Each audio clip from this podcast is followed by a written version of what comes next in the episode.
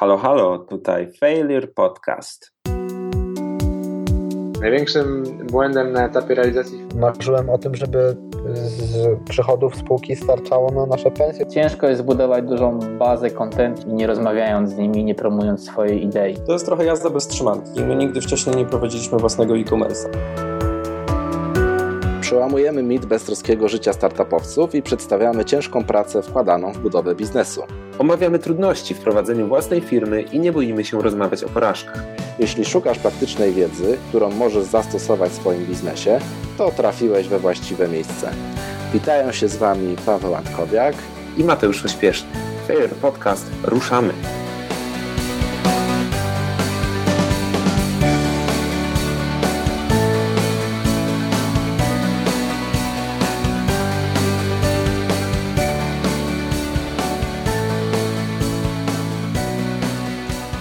Dzisiejszym odcinku podcastu witają się z Wami Paweł i Mateusz.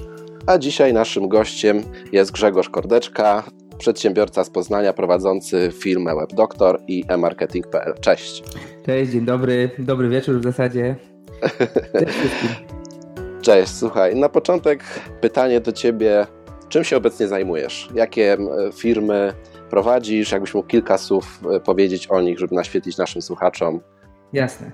Ja powiem, znaczy tak, w marcu, e, w marcu 2017 roku to będzie niebawem 10 lat, jak prowadzę agencję marketingu internetowego WebDoctor.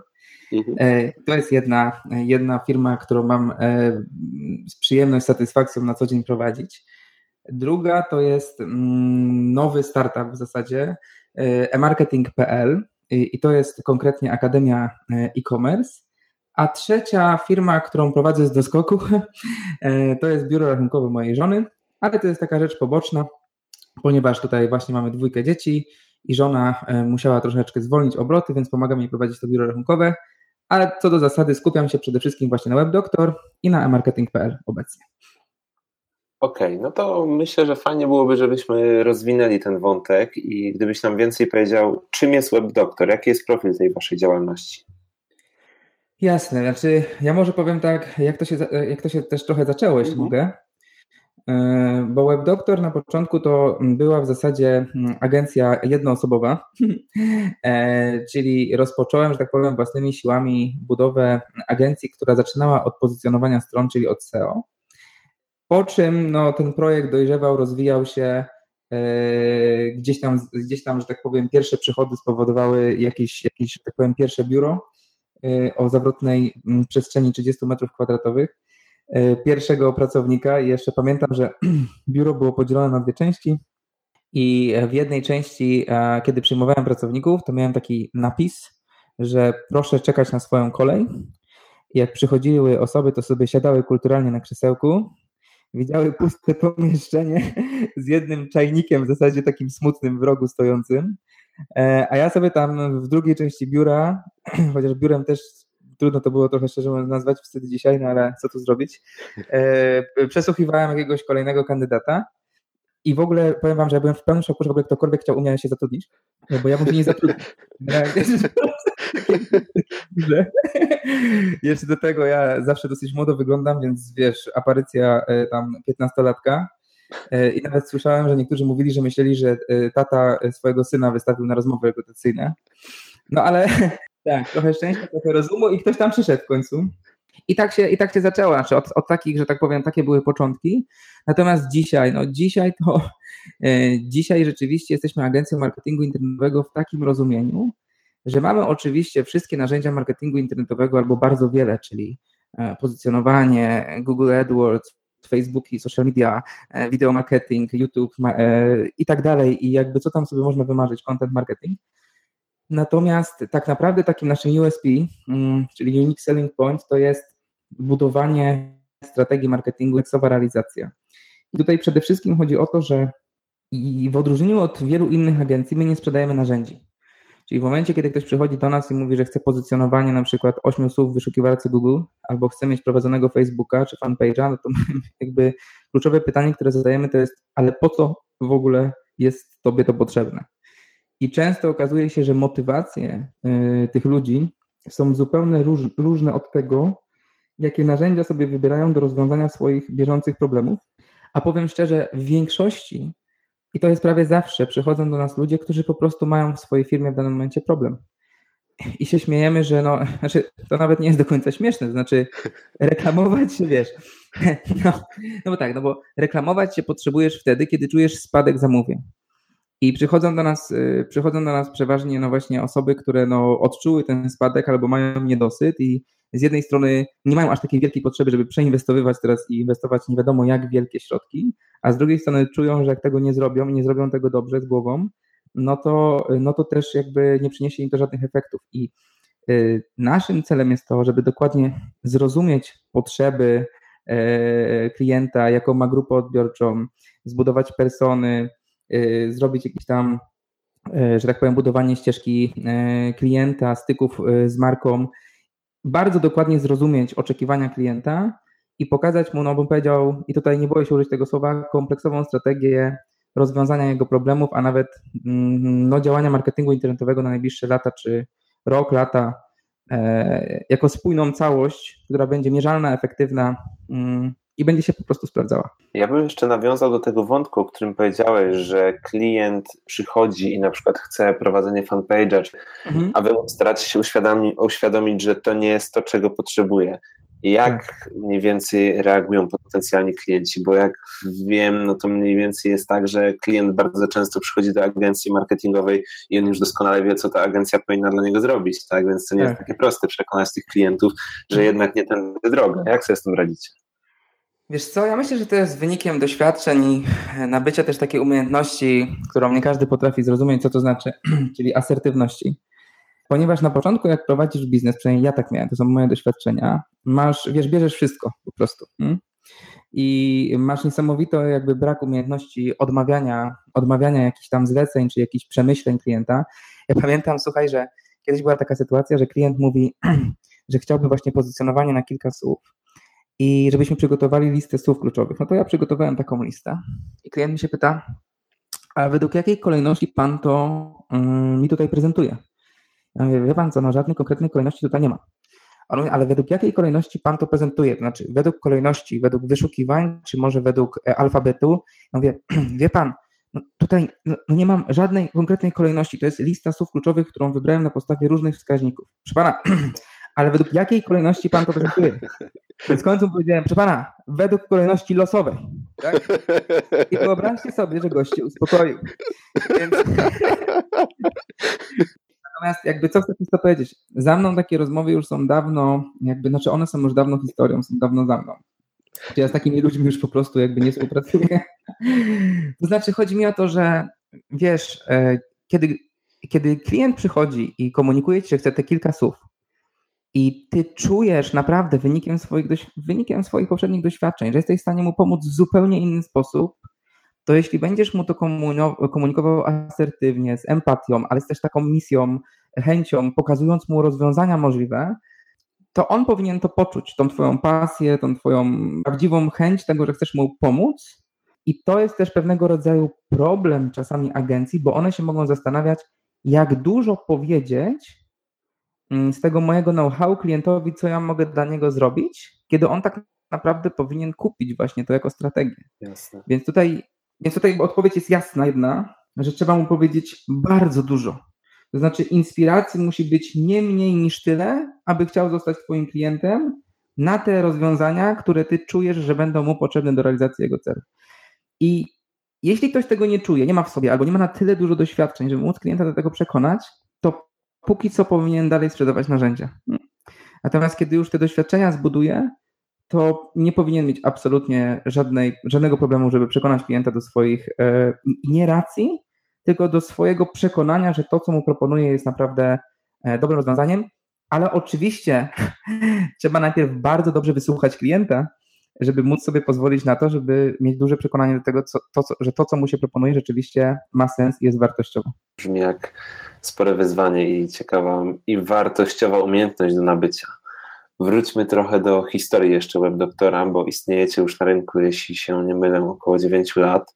Mhm. Gdybyś wymienił, jakie takie w waszej historii były kamienie milowe rozwoju tej firmy? Co było kluczowe dla rozwoju? No bo jednak 9 lat ciężko na pewno powiedzieć, że jesteście tym, czym byliście na początku, tak? Powiedziałeś zresztą o ciekawych początkach, tak? W biurze, mm. którym nie można było nazywać biurem, ale bardziej zmierzam do samego rozwoju, do rozwoju waszej oferty, do tego kwestii zatrudnienia. Mhm. Co byś wyróżnił jakie, takie, jako kluczowe momenty zmiany w historii twojej firmy? Mhm. Wiesz co, pierwszym kluczowym, mm, pierwszym kluczowym momentem to e, myślę, że był e, punkt, w którym zaczęliśmy świadczyć więcej usług niż tylko pozycjonowanie i linki sponsorowane, bo na, bardzo się na tym skupialiśmy i w zasadzie to było naszym e, no, głównym, że tak powiem, przedmiotem sprzedaży. Na tym, się, no, na tym się bardzo dobrze znaliśmy. Robiliśmy to w taki sposób, że sprzedawaliśmy poprzez sprzedawców, konsultantów, telemarketerów, osoby, które aktywnie dokonywały sprzedaży przez tak zwane cold call. A następnie e, zaczęliśmy zauważać, no co było oczywiście, znaczy jakby co nie jest dzisiaj, nikogo nie dziwi, że tych narzędzi marketingu internetowego e, pojawia się w internecie coraz więcej, czyli zaczynają e, pojawiać się w ogóle takie rzeczy jak właśnie social media, Facebooki, nie Facebooki, jakieś na, narzędzia, że tak powiem, nowe kierowania behawioralne i inne, że tak powiem, możliwości. I to, co mnie wówczas zastanawiało, to pewnego rodzaju wyzwanie, które mieliśmy mm, do, do, do, do, do zrobienia, bo to było tak, że do każdej z tych usług musieliśmy oferować osobną umowę. Znaczy, tak to przynajmniej wtedy czuliśmy, że jakby do jednej usługi to musimy się rozliczać za pozycje i za słowa kluczowe. No to tutaj trzeba zrobić umowę, która ma jakąś swoją logikę. Do linków sponsorowanych to prowizja od wpłat. To za Facebooka to teraz pytanie, za co powinniśmy brać? No to co robi konkurencja? To od ilości postów, a może od ilości postów i konkursów i tak dalej. I zawsze, jak robiliśmy spotkania, takie bym powiedział, sprzedaży i e, działu sprzedażowego, powiedzmy, i, i tam, nie wiem, kognitywistycznego i jakiś tam marketingowego i tak dalej, to okazywało się, że było milion pomysłów na, czyli czy właśnie iść w pakiety tanie, może szybkie, łatwe, czy indywidualne rozwiązania i tak dalej. To, co było kamieniem milowym pierwszym, to było zbudowanie y, uniwersalnej formuły umowy, która potrafi połączyć w jednej umowie wszystkie usługi według pewnego klucza logicznego. Czyli udało się, można powiedzieć, logicznie wszystkie te usługi e, jakby pod jednym parasolem logiki, że tak powiem, świadczyć i móc to spisać w umowie w taki sposób, że klient to zrozumie. Mhm.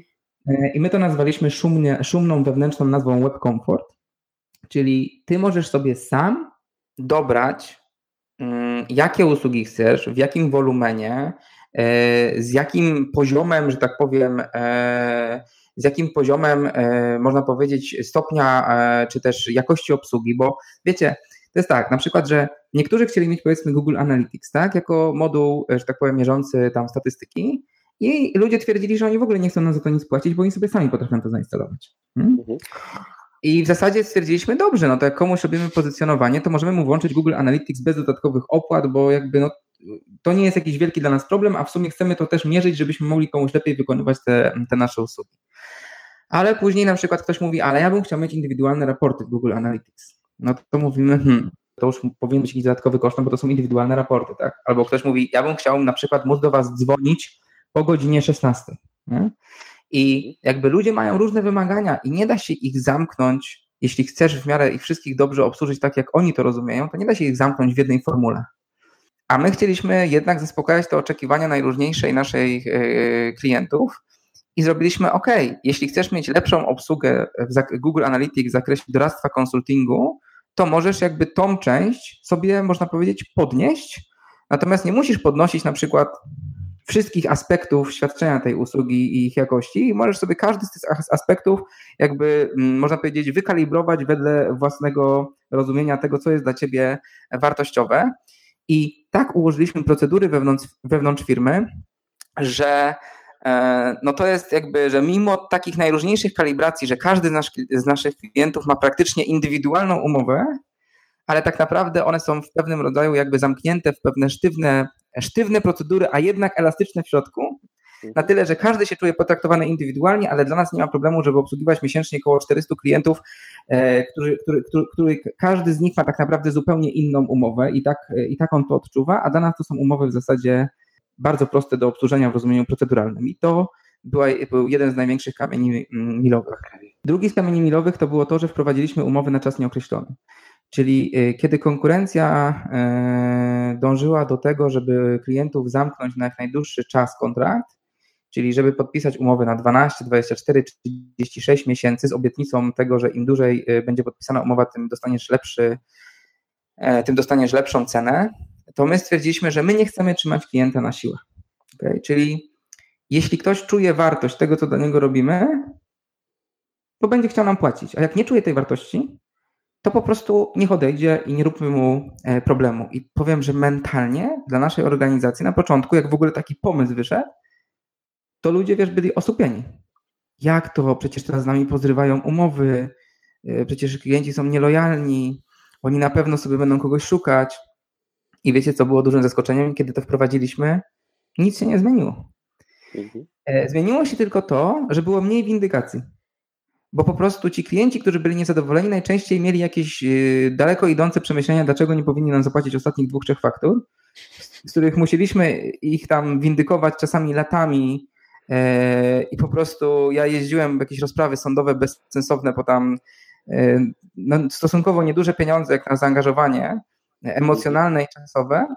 I po prostu skończyło się to. Skończyło się marnowanie czasu na windykowanie faktur od jakichś tam frustratów. I szczerze mówiąc, mnie nie obchodzą przyczyny ich frustracji. Jak są sfrustrowani, niech po prostu odejdą. Ja oczywiście się staram, jak od, oni odchodzą, to zapytać dlaczego, co, co może moglibyśmy poprawić, zrobić lepiej i tak dalej. Ale często te powody i prawdziwe intencje są po prostu nieodgadnione, nieprawdziwe, niedopowiedziane i ja tego ładunku emocjonalnego nie mam zamiaru, że tak powiem, e, na sobie mieć, dlatego że bez tego ładunku emocjonalnego mogę robić lepsze e, usługi dla tych klientów, którzy po prostu konsumują na co dzień to, e, co im dostarczamy. I, i myślę, że to była niesamowita zmiana. Przestaliśmy mieć telefony, w których tam dziewczyny z działu obsługi klienta czy, czy, czy chłopacy się po prostu musieli stresować niepotrzebnie, bo dlaczego jeszcze mi tam coś robicie, kiedy ja już dawno wam wypowiedziałem umowę, mnie to nie obchodzi, jestem na okresie wypowiedzenia nie, po mhm, prostu mhm. to się skończyło. Jakby koniec. Chcesz, jesteś, nie chcesz, no jakby trudno. Hmm? Z innej strony, podchodząc do prowadzenia firmy, czym na co dzień jest dla Ciebie porażka w kontekście prowadzenia firmy? Czy to jest bardziej powód do zmartwienia, czy bardziej taki czynnik, który motywuje Cię do dalszego działania? Tak, wiesz co, to jest dobre pytanie. Ja powiem tak, ja myślę, że jak ktoś, jak ktoś, że tak powiem, osiąga porażkę i się nie martwi, to chyba jest psychiczny. W takim sensie, że chciałbym przede wszystkim uczulić wszystkich tych, którzy odnieśli jakąkolwiek porażkę, że e, należy się martwić. To znaczy, jakby, no to jest coś normalnego.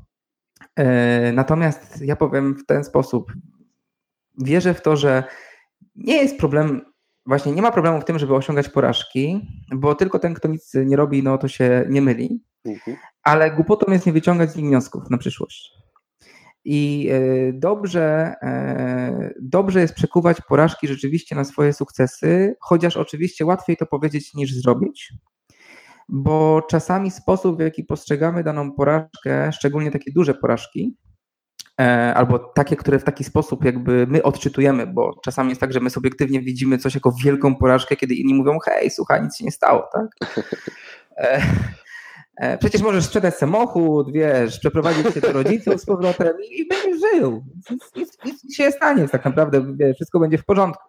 I myślę, że wiesz, że jakby, że trzeba, trzeba ja powiem tak, kiedy ja, osiąg, jakby, kiedy ja sięgnąłem, ja bym powiedział, takiego swojego dna, czyli rzeczywiście miałem jedną z największych porażek, to korzystałem z opieki psychologa, nawet, że tak powiem, z opieki psychiatry i e, przez dwa miesiące, na szczęście potem tabletki, które otrzymałem e, z radością, że tak powiem, rzuciłem i ja się o tym nie boję mówić, bo większość ludzi się o tym boi mówić, a z drugiej strony, kiedy zobaczysz wolumen wpisywanych słów w stylu psychiatra Warszawa, to jest to jedno z najczęściej wpisywanych słów w ogóle w województwie mazowieckim.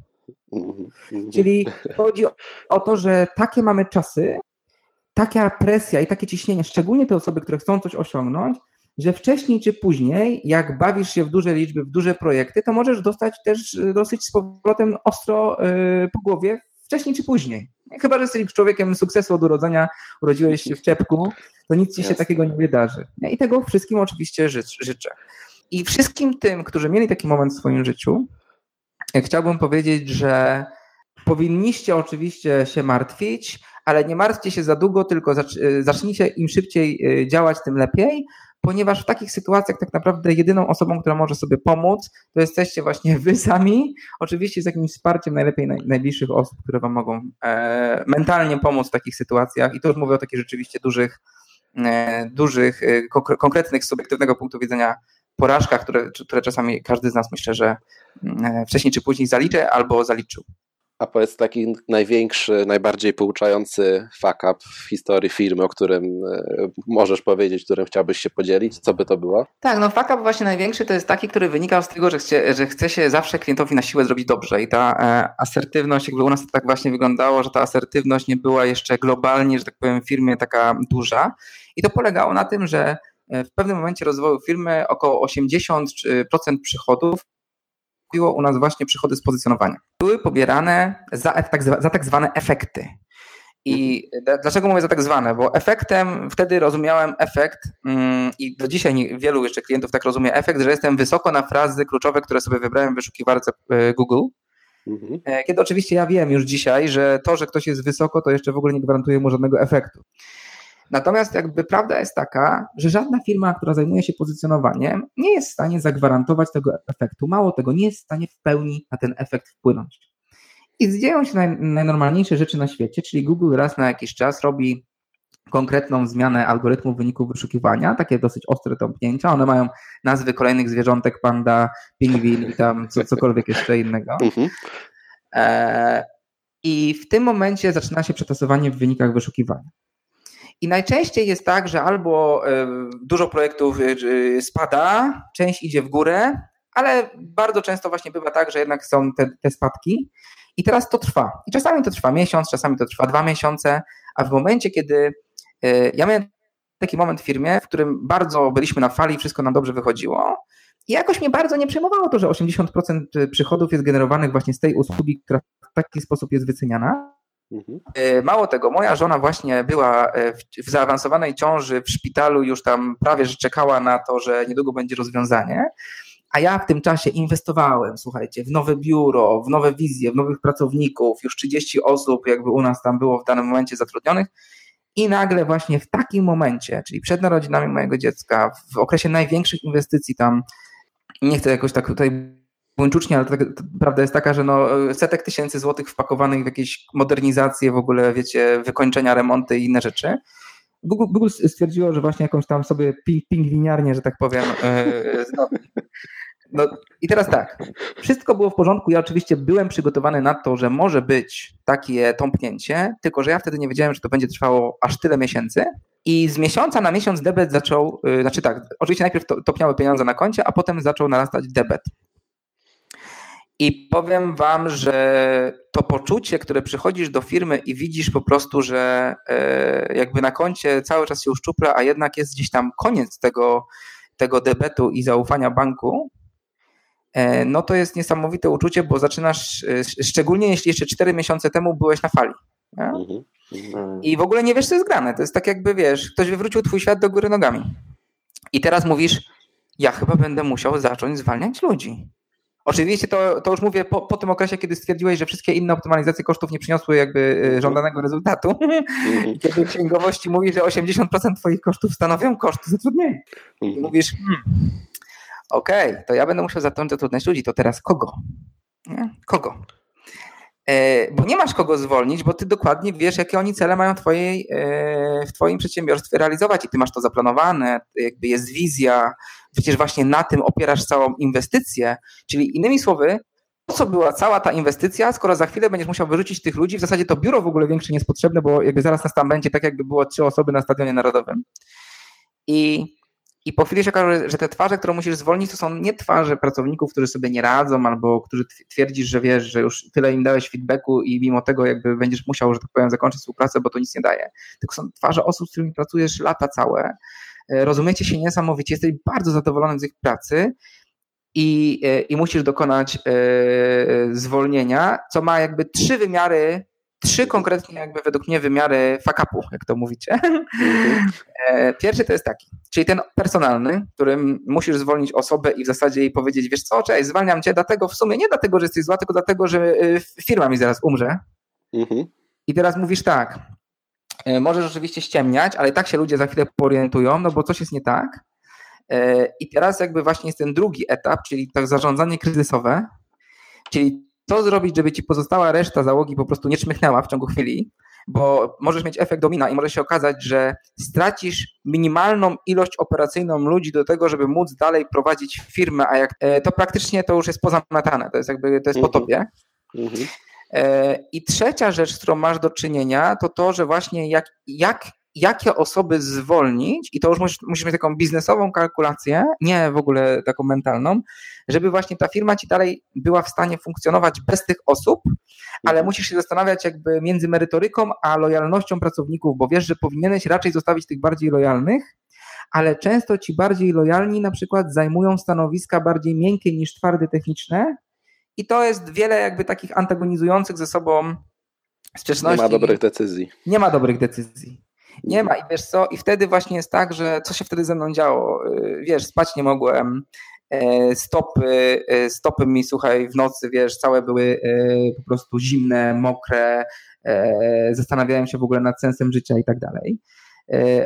Na szczęście, wiesz, no pomogło mi wiele osób, pomogło mi wiele osób i, i poradziłem sobie i okazało się, że rzeczywiście E, wiesz, jakby starałem się robić to wszystko, czyli te zwolnienia starałem się robić z klasą, e, jak, jak nie zostawić tych ludzi bez niczego, oczywiście pełne zachowanie okresów wypowiedzeń, nawet rekomendacje i tak dalej, bo powiem, miałem, miałem niesamowite poczucie winy. Mhm. Natomiast co się stało w międzyczasie? To konkurencja zaczęła to, zauważyła to i zaczęli dzwonić, tak, jakby po headhunterzy, po moich pracownikach, że a tam chyba się firma sypie i to może szybko do nas przejść, to ci zaoferujemy lepsze warunki.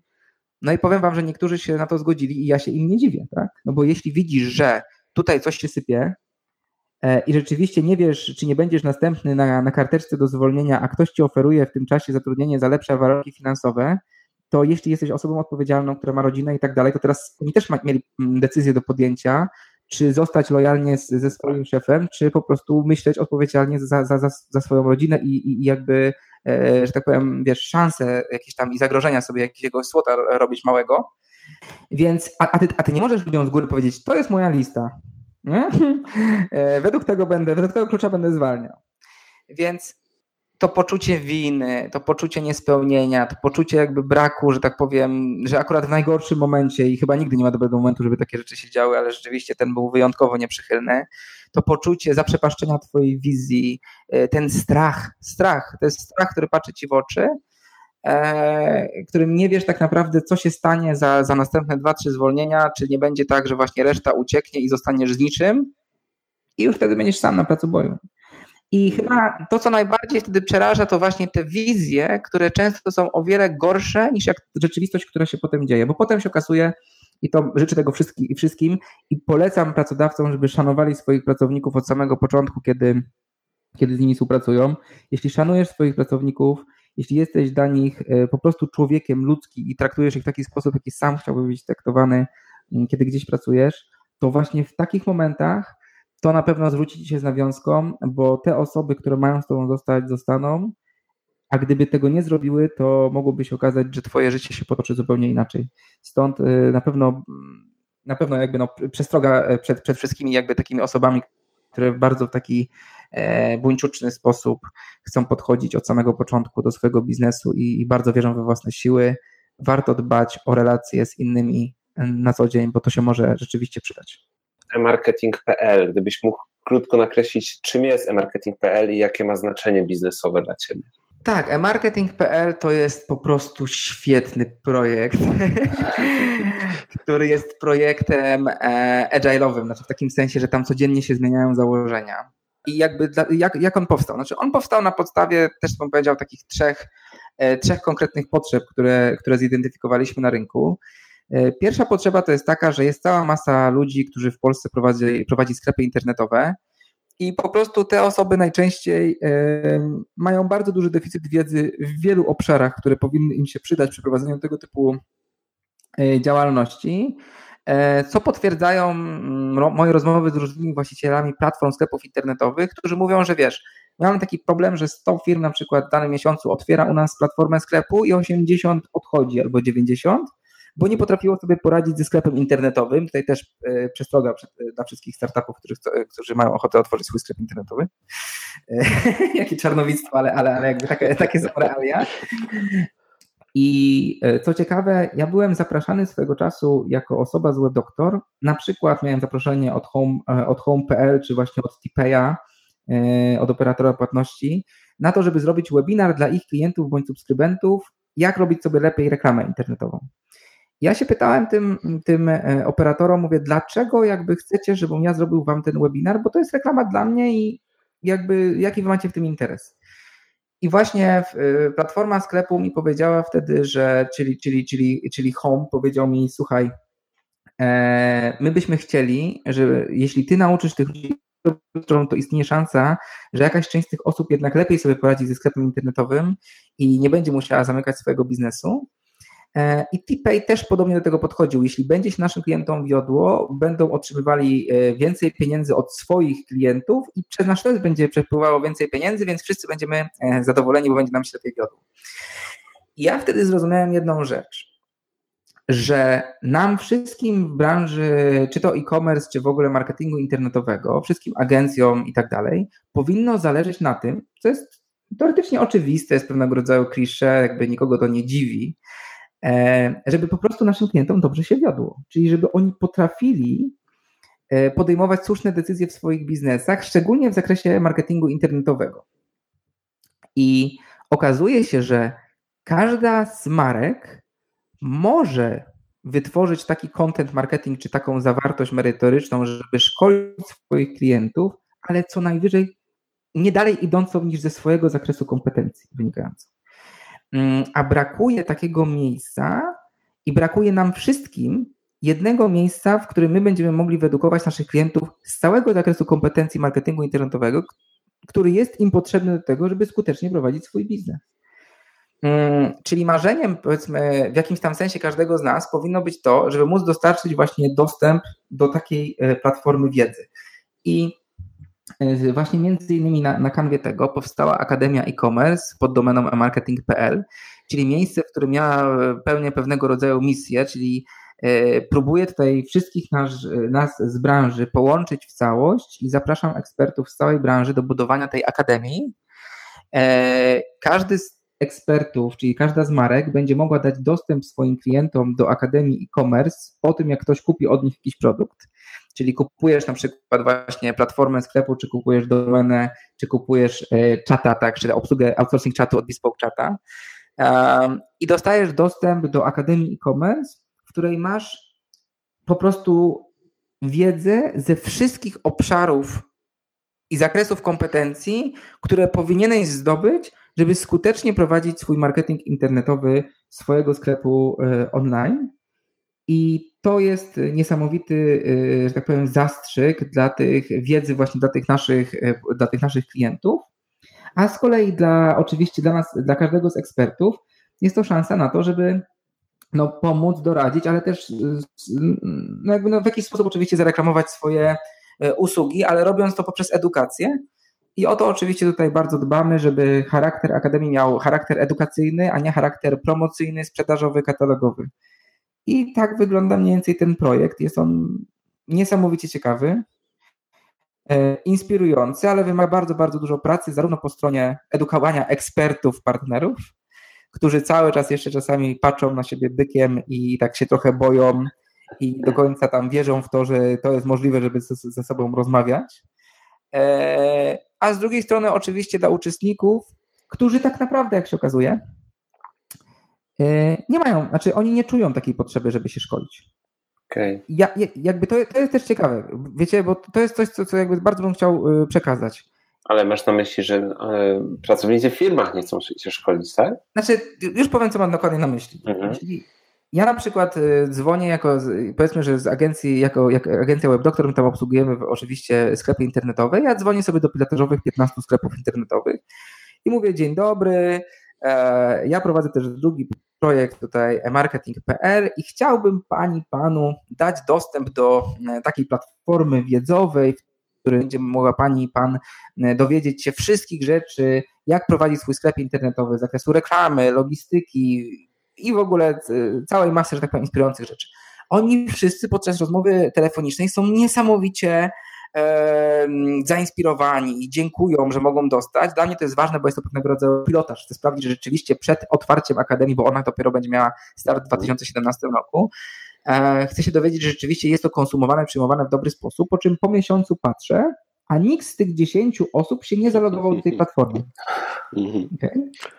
I teraz y, oczywiście to nie dziwi, y, dlatego że dzisiaj nikt nie ma czasu wiecie, po prostu nikogo nie kręci to, żeby mieć dostęp do encyklopedii e-commerce, w jakiejkolwiek formie byście nie podali, wideo, podcastu i tak dalej. Hmm? E, więc tą promocję, e, czy też jakby bym powiedział nawet tą misję tego, żeby ludzie w ogóle chcieli się edukować, trzeba uprawiać w zupełnie inny sposób. Czyli trzeba ich trochę podejść, ale robiąc to tak naprawdę dla ich własnego dobra, i trzeba ich inspirować z tygodnia na tydzień po prostu konkretnymi zastrzykami, jakby konkretnymi, że tak powiem, elementami wiedzy.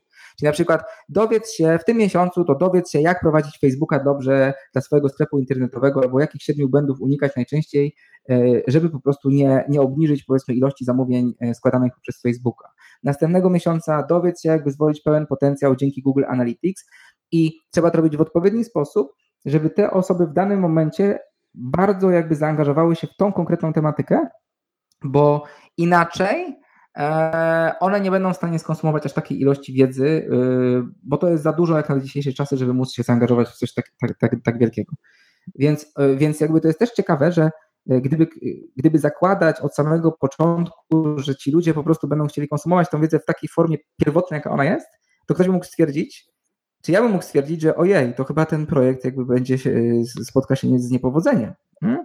Ale mhm. okazuje się, że to nie jest kwestia tego, że projekt się spotka z niepowodzeniem, to jest kwestia tylko tego, w jaki sposób psychologicznie podejść po prostu do swojej grupy odbiorczej, ale oczywiście nie po to, żeby dokonać manipulacji, tylko po to, żeby dokonać perswazji, e, a za końcem perswazji stoi dobry cel i dobra intencja, więc myślę, że w ten sposób właśnie to e, będzie funkcjonować i już powoli widzimy pierwszy efekt. Okej, okay. E, słuchaj, czy mógłbyś nam jeszcze coś powiedzieć o liczbach w swoim biznesie? Z jaką ilością partnerów współpracujecie na co dzień? Czy to nie jest jawna informacja? Nie, wiesz, to ja już to nawet mówiłem. Znaczy, my mamy, e, jeśli chodzi o WebDoctor, to mamy około 400, 400, lekko pewnie ponad 400 klientów na tak zwanych abonamentach. E, miesięcznie realizujemy około 3-4 strategii i to jest maks, który możemy zrobić, bo to są bardzo indywidualne rzeczy. I co jeszcze mogę powiedzieć? I mamy kilka milionów przychodów w ciągu roku. E, I tak to mniej więcej wygląda i wszystkie te dane można sobie zobaczyć w sprawozdaniu finansowym, które jest jawne, więc. Jasne, świetnie, dziękujemy za te informacje. Na koniec powiedz nam proszę, słuchacze, którzy chcieliby się skontaktować z Tobą po wysłuchaniu audycji, w jaki sposób mogą się z Tobą skontaktować? Mhm. Myślę, że najlepszym sposobem jest wpisanie mojego imienia i nazwiska do, e, do Facebooka, jeśli korzystacie z Facebooka. I tam możecie, że tak powiem, napisać mi prywatną wiadomość, bądź po prostu jakby, nie wiem, jakikolwiek komentarz w którymkolwiek z postów, czy, czy jak tam, jak, jak macie ochotę. Możecie też rzeczywiście napisać e, na mojego maila. To jest tak, grzegorz.kordeczka małpa webdoktor.pl Świetnie, to damy też maila do notatek do audycji. Dzięki wielkie za poświęcony czas i za wiedzę, którą tutaj przekazałeś. Myślę, że kilka niesamowicie inspirujących historii się pojawiło. Dzięki za tą rozmowę, no i do usłyszenia ponownie przy jakiejś okazji. Super, ja również bardzo Wam dziękuję za zaproszenie.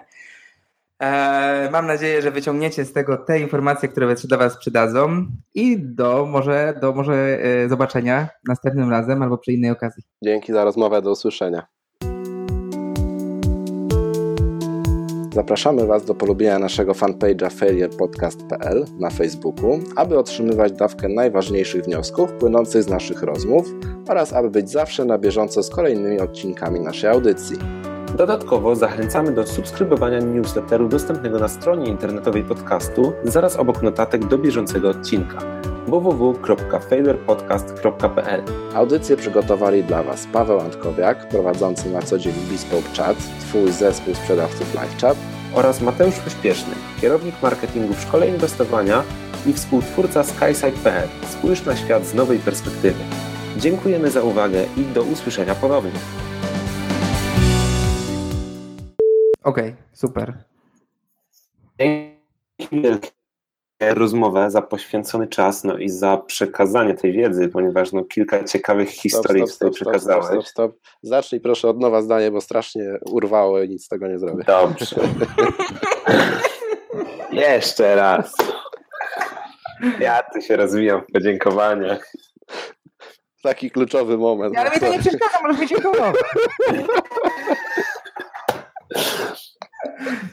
Okay. Dobra. No. Dzięki wielkie za poświęcenie Zajebiście. czas. I... Nie no, nie no dobra, nie, to nie, już teraz spoko, nie? Już jestem spoko. Chciałem, żeby było trzy razy po prostu. Na mistrzostwo. Dobra, lecimy. Tak.